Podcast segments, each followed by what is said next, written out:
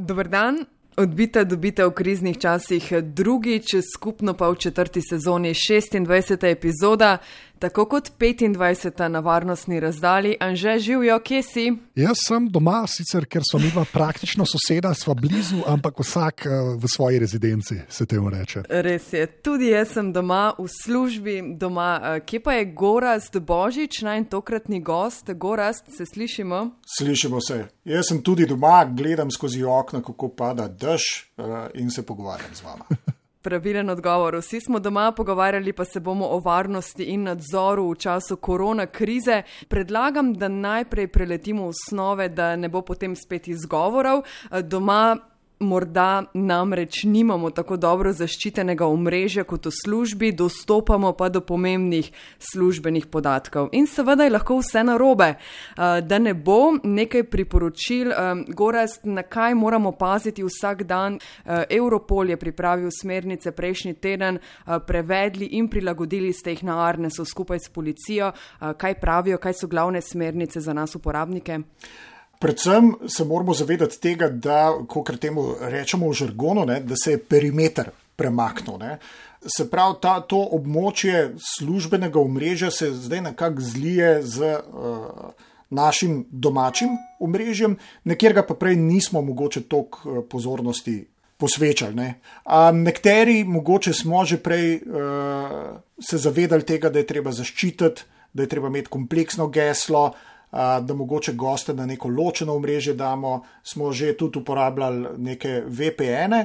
No, veliko zaposlenih pa tega ni počel do pred kratkim. In tukaj mislim, da ta prvi korak je to, da razmislimo, aha, naše omrežje, ali imamo zaščito na tem omrežju, ali se lahko kdorkoli priklopi, kakšne so naprave, ki jih uporabljamo, ali je naš domači računalnik zdaj naenkrat postal službeni računalnik, ali v bistvu še vedno ločujemo, da imamo službeni prenosnik, na kjer bomo delali službene zadeve, domači računalnik pa ostane domači, zato da v bistvu na njem eh, se zabavamo, da, da ga uporabljajo otroci in tako naprej. No, tako da mislim, da tukaj je treba začeti. Pa že spet smo pri geslih, ne, si jih takoj omenil, ne, kar mislim, da je kar prav.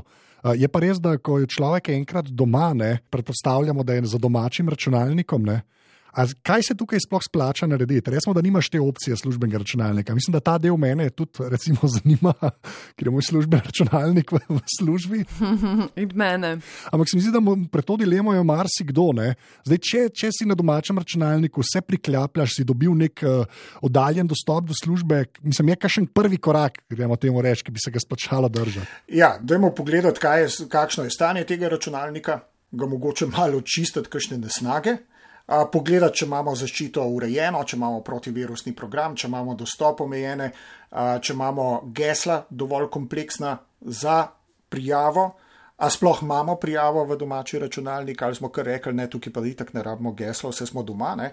ker to nam da, v bistvu to domače okolje nam da nek občutek varnosti, ampak zdaj, ko se pa preklapljamo na omrežje, ne, pa pozabimo, da v bistvu smo se preklopili na cel svet, da pride. Uh, v našo sobo.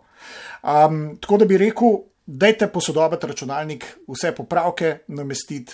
Zaklend dostop do uporabniških računov, imejte posebej račun za administratorske pravice, kadar je treba v bistvu kaj vzdrževati, vi se pa prijavite v nek navaden račun in uporabljate z navadnim računom in naredite backup. To bi bili sigurno to prvi koraki. Goras prav je, da opozarjamo in bomo v zapiskih na val 202.si pošiljnica odbita tudi um, te smernice, ki ste jih pripravili.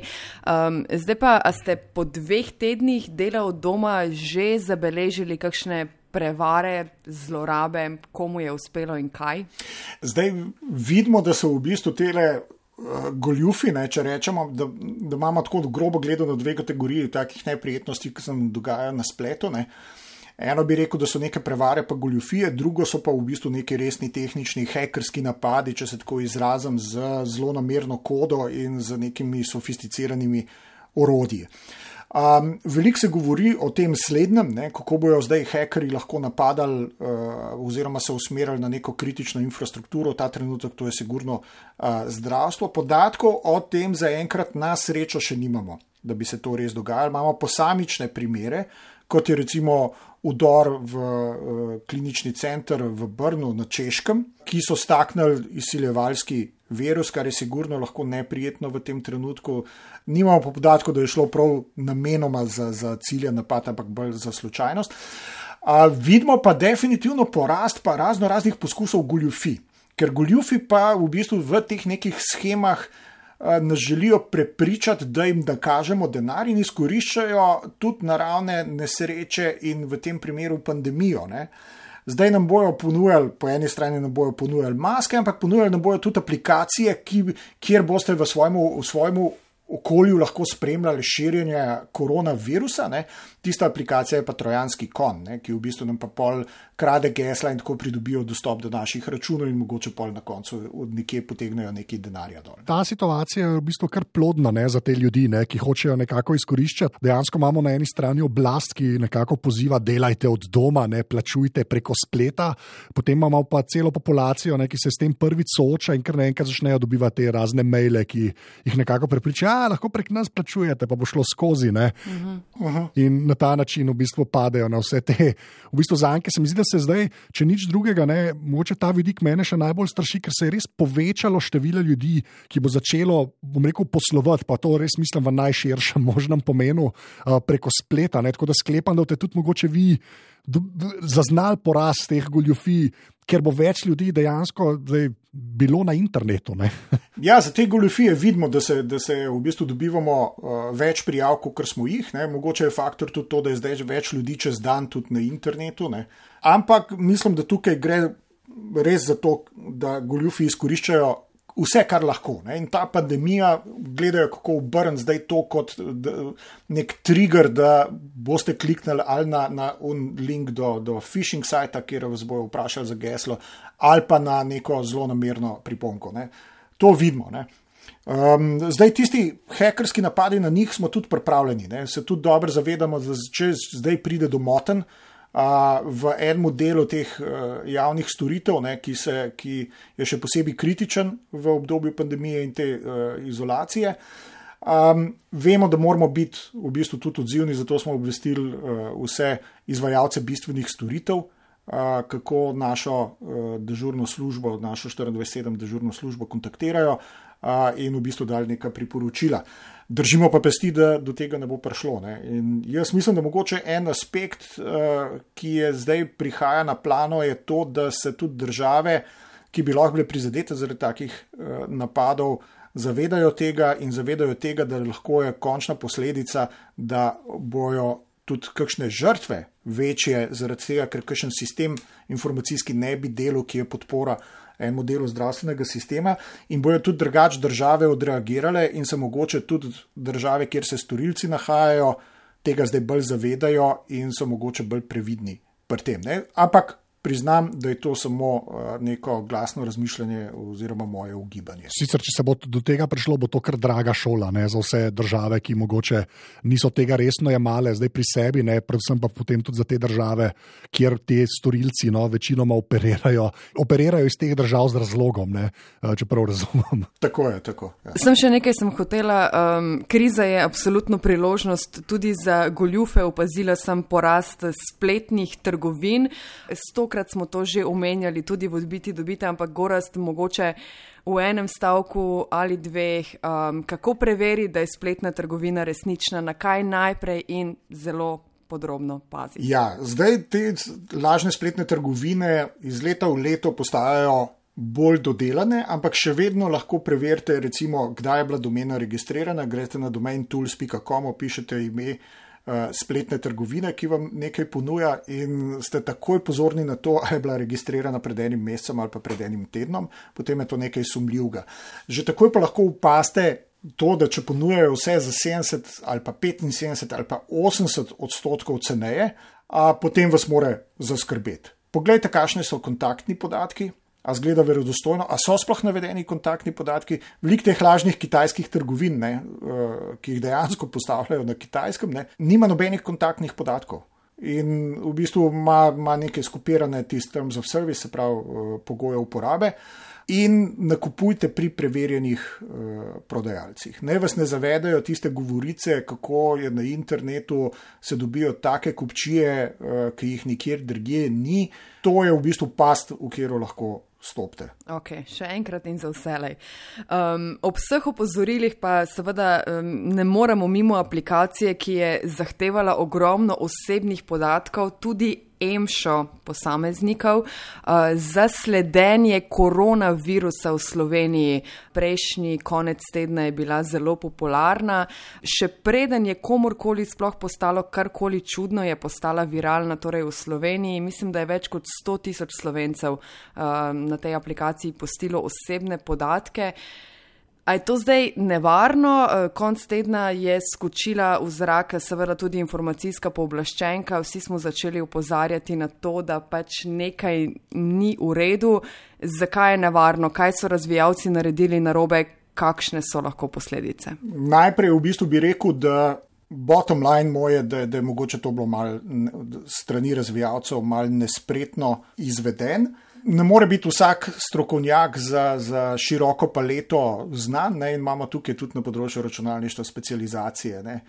In v bistvu nam, ki se ukvarjamo z varnostjo, je dosti hitro postalo jasno, ne, da v bistvu metoda, ki so jo uporabljali za zakrivanje emšota, uh, ni v bistvu nekaj, kar bi omogočalo anonimnost in da se da rekonstruirati emšo nazaj, dosta enostavno z orodji, uh, ki so nam na voljo in z opremo, uh, ki jo imamo na voljo tudi doma. Jaz mislim, da pač so se razvijalci lotili tega dosti na hitro, kar je, kar je po svoje razumljivo, ne, ker je bilo treba hitro zadevo vendati. Zdaj, kakšni so zadaj motivi, a so imeli v bistvu pol še kakšno nadaljevanje, kakšne, kakšnega uh, poslovnega modela tukaj zadaj, ali je šlo v bistvu uh, res samo za, za to, ne.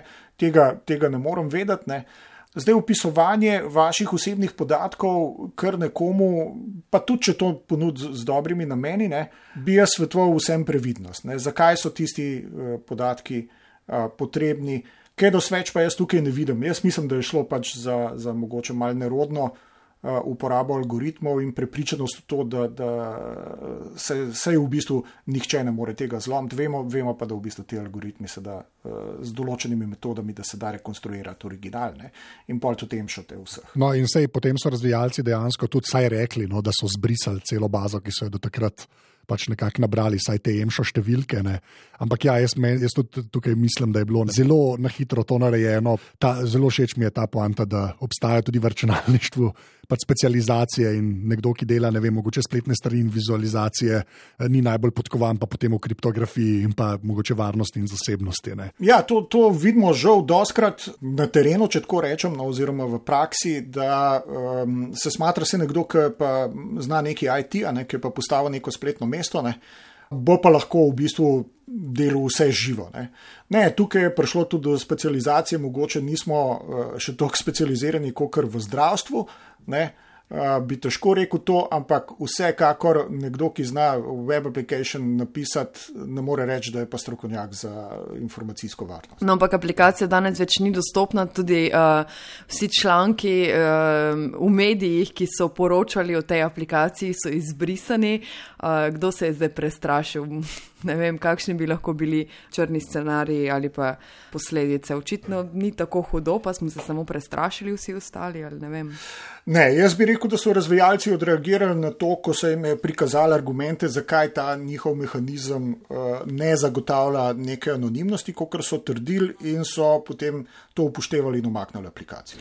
Okay, um, predlagam, da se dotaknemo še ene pereče in zelo aktualne teme, uh, ki je tudi zelo popularna v teh kriznih časih zaradi koronavirusa, to je nadzor. Nekaj primerov iz uh, tujine sem vam uh, že razlagala v mailu. V Švici, naprimer, um, njihovo telekomunikacijsko podjetje ki je v državni lasti, lahko nadzoruje državljane in dostopa do podatkov na telefonu državljanov. Napoved nadzora je sprožila var ogorčenja v Švici. Na Slovaškem zelo podobno nadzor državljanov prek mobilnih telefonov. Eh, sej naj bi tako preverjali, ali se ljudje držijo karantene. Na nekaj primerov je na valu 202 upozoril tudi hrvaški filozof. Srečko Horvat. A, možete vidjeti na slučaju Kine također na koji način je, koliko je ključno bilo da upravo njihov uh, surveillance uh, uh, sistem, dakle sistem kontrole Na primeru Kitajske lahko vidite, kako je z upočasnjevanjem pandemije njen sistem nadzorovanja zauzel vsako poro družbenega življenja. Zdaj tam okrog hodijo policisti s čeladami, v katerih imajo očala za termalno skeniranje. Prebivalci pa so vrednoteni z barvami, ki predstavljajo različne stopnje v družbi. Z eno barvo ste nevarnost družbi, z drugo lahko greste v supermarket. Zdaj vidite, da se je nadzor tudi na Zahodu močno okrepil. V nekaterih državah že uporabljajo geolociranje, s tem locirajo mobilne telefone. Naslednji korak je, kot se dogaja na polskem, da vas pokličajo in se morate oglasiti na video in ste vse čas v stiku z nekom, ki vas nadzoruje. Ljudi, idući korak je, recimo, kao što je to slučaj u Poljskoj prije par dana bio, da, da vas onda nazovu i da se morate javiti na video i da ste u kontaktu konstantno sa nekim ko vas promatra. Gorast Božič, Anže, se moramo bati nadzora, mislim, je v teh pogledih, v teh časih tehnologija dejansko nevarna, mislim, česa točno se moramo bati. Mislim, da v bistvu tukaj tehnologija je tista, ki omogoča veliko več, kar, kar je bilo možno sploh pred vem, 20, 30, 50 uh, leti. Ne. Sej krožijo članki in uh, primerjave s tem, kaj vse bi štazi počel, če bi imel uh, taka urodja na voljo, kot uh, uh, jih imamo danes. Tako da tehnologija omogoča blazno veliko. Kako bomo to izkoristili, ne, je spet tisto, vse vem, da je to mogoče zdaj dolgočasno uh, o tem razlagati, ampak lahko izkoristimo to za dobro ali za slabo. Zdaj, a je mogoče tudi treba vzeti v obzir to, ne, da, da je pa mogoče tudi ta tehnologija pri tem nadzoru, kdaj omogoča manj invazivno za uh, državljana neko spremljanje. Blazno je treba biti pa v bistvu pozoren na neke zlorabe teh pooblastil. Ne. Treba je vedeti, da recimo pristojni organi ponavadi rabijo neke metode, da lahko v bistvu neki, da upravljajo svoje funkcije. Ne. Ampak je pa zelo pomembno, da imamo tudi urejen nadzor nad tem, ali se uporabljajo tako, kot so mišljene, ali prihaja do zlorab. Mislim, predvsem je tukaj še potem ena komponenta, predvsem ne zdaj pri nas, uh, načeloma. Uh, zakon, do katerega itak potem še pridemo, ne, bo omejen samo na trajne pandemije. Ne. To varovalko mislim, da je treba največ poudarjati. Goraz je lepo rekel, da več ali manj vsa ta tehnologija se da zlorabiti na tisoč in en način, ne? sploh potem, ko so neke zbirke eh, podatkov oziroma eh, baze vzpostavljene. Ampak eh, tisto, kar mene, pa to smo se malo dotaknili že v prejšnji epizodi odbite dobite, ko je bil gost Matjaž Ropret, ko je rekel, ne, da tudi ko je bil 11. september, ne, so američani nekako razširili pooblastila policije, potem se pa ta pooblastila niso bistveno skrčila, ne, potem ko je bilo nekako krize konec. Ne. Uh mhm. -huh. Tehnologija, mislim, da res omogoča tukaj kar par uporabnih orodij, ne, ki, ki bi lahko pomagala pri nadzoru, pa sploh ne nadzoru v tem orwellovskem smislu, ne, ampak pri nekako sledenju uh, širjenja pandemije. Ne, Ampak uh, ponavadi je pa res tako, da že, ko gre enkrat zobna pasta iz tube, težko nazaj noč spraviti. Ja, ja. Uh, zdaj, zato je tukaj treba biti posebej, posebej pozoren ne, na to, kar oblast uh, počne, in gledati pod prste, tudi mogoče dikcijo, ki je v zakonih. Zdaj smo videli vse te primere, ki jih je prej Maruša omenjala ne, in Srečka Horvat, in kaj se dogaja po svetu, in tudi pri nas. Ne. Se mi zdi, da bo treba kar konkretno uh, gledati na vsak člen, ki se bo sprejemal, tudi mogoče na dikcijo v teh členih. Ne ki včasih, se vemo, sploh zakoni, že ponovadi, ko so napisani, včasih potem poznajo luknje, ne, ko so pa zakoni napisani na hitro, ne, uh, kjer ni tega dodatnega premisleka in tukaj res ni časa za kakšen uh, poglobljen uh, domišljijski spis ne, v zakonu, ki bi na vse mislil, ne, bo treba biti zelo, zelo, zelo, zelo pozoren. No. Strenjam, upam, da se nam ni treba bati, da, da bodo uh, vodilni države obdržale um, nadzor eh, po krizi. Um, Gorast je omenjal še, da moramo nadzorovati ta nadzor. Mislim, kako bi dejansko to s tehnologijo lahko počeli. Tukaj se, siguren, da zboljšati recimo te postopke. Uh, pri sprejemu zakonodaje. Um, Veliko se lahko naučimo iz tega, kako v bistvu ta kultura uh, interneta, uh, odprto ko, odprte kode in tako naprej, ne? kaj lahko, kje mehanizme lahko ven poberemo ne, in nam prav pridejo tudi na drugih področjih. Recimo pri razvoju resni programeri uporabljajo nekaj, čemer se reče version control, ne? se pravi nek sistem za sledljivost različnih sprememb eh, in dodajanj. To se meni zdi idealno, da bi upeljali uh, v zakonodajni postopek. Da se točno vidi, kdaj je prišlo do določene spremembe, do določene uh, spremembe besedila, kjer organ, kdo je v bistvu to uh, predlagal, skozi kakšen postopek je šlo, in tukaj v bistvu jaz mislim, da bi. Uh, Mislim, da civilna družba zelo pozdravlja neke take rešitve ne? in to se da dosta enostavno realizirati s tehnologijo, ki je na voljo do nas. Ne? Potem imamo pa pač neke, neke stvari, ki jih pa ne moramo. Ne? To je pa v bistvu to, da imamo razvito neko civilno družbo, imamo razvite neke organe, ki so nadzorni organi, ki neodvisno, res neodvisno upravljajo uh, svoje naloge, ne? kakšni so postopki imenovanja nekih uh, vodij teh organov, a res gre vse čisto in tako naprej. Tukaj pa, dvo, tukaj pa tehnologija ne more pomagati, ne? tukaj je pa od nas in kulture našega okolja odvisno, ali bomo imeli boljše inštitucije ali slabše. Ne? Mogoče še kot uh, kratek komentar, ne določil v tem predlogu zakona, ali je v bistvu že stopil v veljavo. No?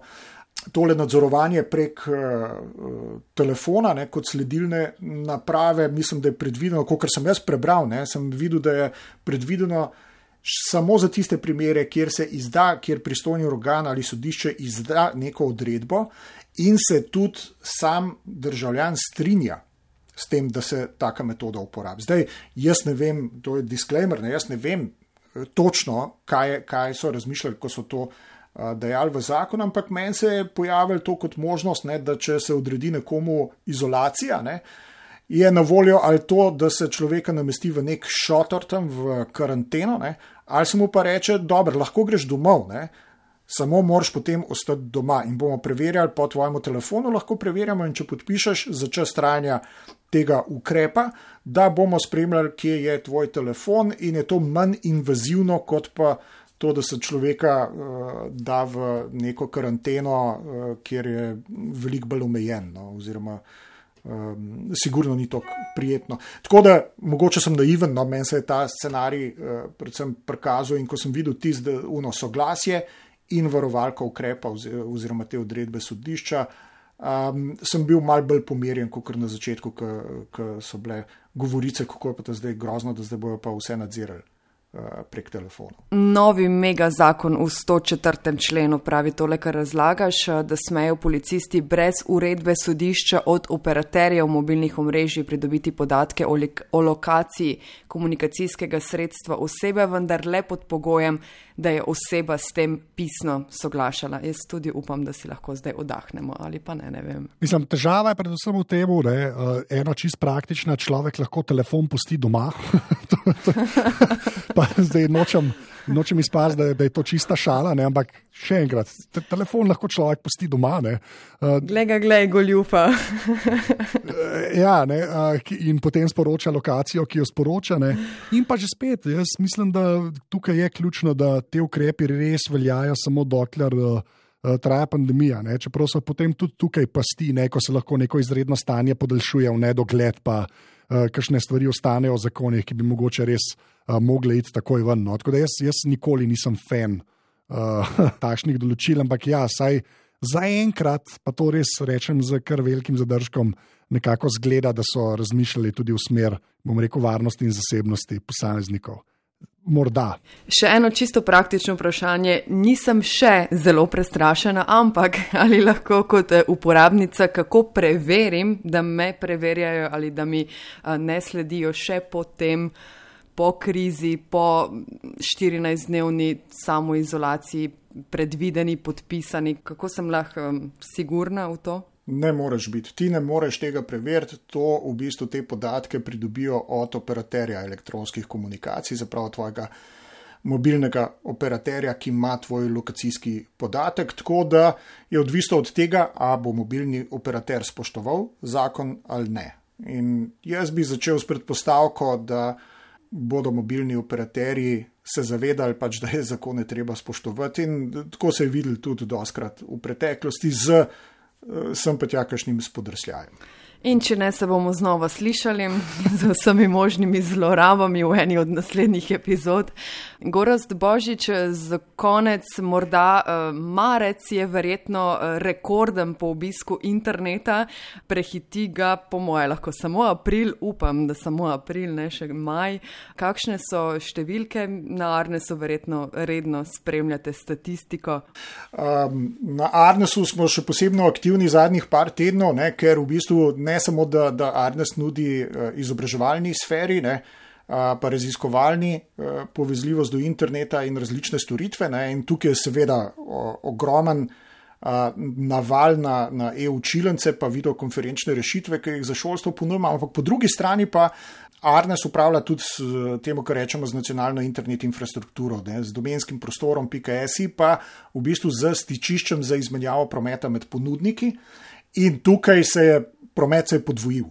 Ne? Se pravi, naenkrat čez noč, oziroma v nekaj dnevih, smo prišli uh, iz tam 65 gigabitov na sekundo uh, izmenjave na tem SIX-u, Slovenijan Internet Exchange, do čez 130 gigabitov na sekundo. Dopoldne, popoldne, ni več kakšne bistvene razlike, in tudi uh, delovni dan, vikendi. No, vidimo, da vikendi mogoče zdaj so celo malo manjša poraba. No ja, podvojil se je promet in v bistvu še dobro, da smo lahko zadostili tem potrebam in v bistvu tudi ob pomoči nekaterih podjetij, ki so, ki so potem posodila opremo, uh, lahko zagotovili, da je vse uh, bolj ali manj nemoteno delalo. No, so bili kovci tu in tam. Torej, ostajamo optimistični, tako kot v prejšnji epizodi, internet še ne bo razpadel. internet ne bo razpadel, enkrat bo pandemije konc in tudi uh, ne bo se bo zjasnilo, čeprav je danes oblačno in dežurno. še eno vprašanje na koncu, čist, kar se Arnesa tiče, uh, ker vem, da ti ko rečeš, ja, skrbimo za to stičišče, ne, pa da je to javna slovenska internetna infrastruktura, se mi zdi, da mogoče ljudje nimajo najboljše predstave, ne, kako točno potem internet deluje. Jaz imam seveda od operaterja nek modem doma in potem gre to po žici, in potem se mi zdi, da nikogar več ne zanima, ne? kako pa dejansko potem te podatki grejo. Ne? Lahko samo malo več poveš o tem stečišču, kako je to povezano med državami. No?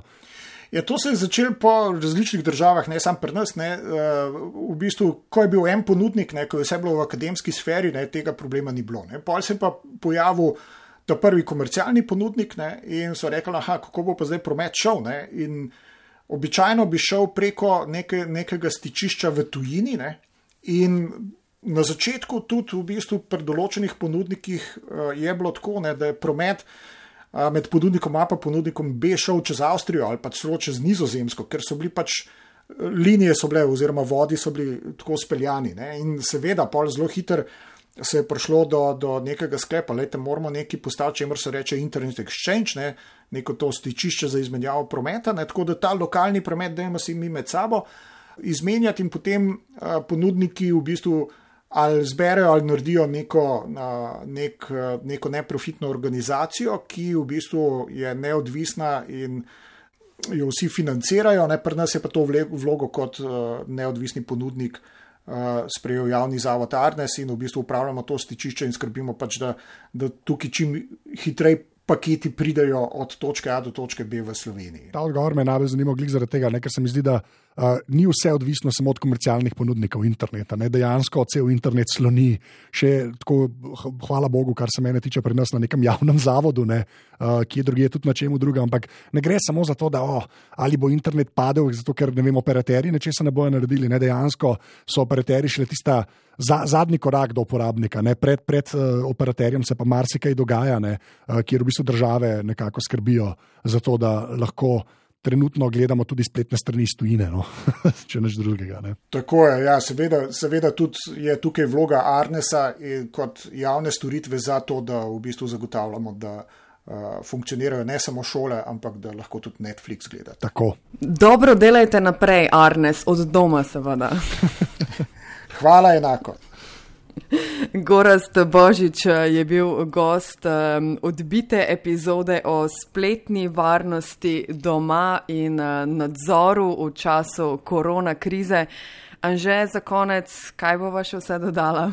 Če greste na val202.si pošiljnica odbita, so tam seveda vse epizode tega podcasta in pa tudi uh, naročilnica na odbito pismo. To je newsletter, ki smo ga zdaj začela pošiljati. Uh, če rabite kaj za prebrati, ne bo vas spemala, uh, pošiljala bova ponovadi, ko pridejo v nove epizode. Tako da dobrodošli, da se naročite. Hvala vsem tudi za ocene v Apple Podcasts. Uh, sicer pa seveda na Twitterju pod Afna odbita, tako da odzive sprejemamo tam. Uh, Maruša, še kaj? To je to. Do naslednjič, vidiva se, ne se pa slišiva zagotovo, prav? Res je. Gorast, hvala, srečno. Ni za kaj, hvala za povabilo. Čau. Čau.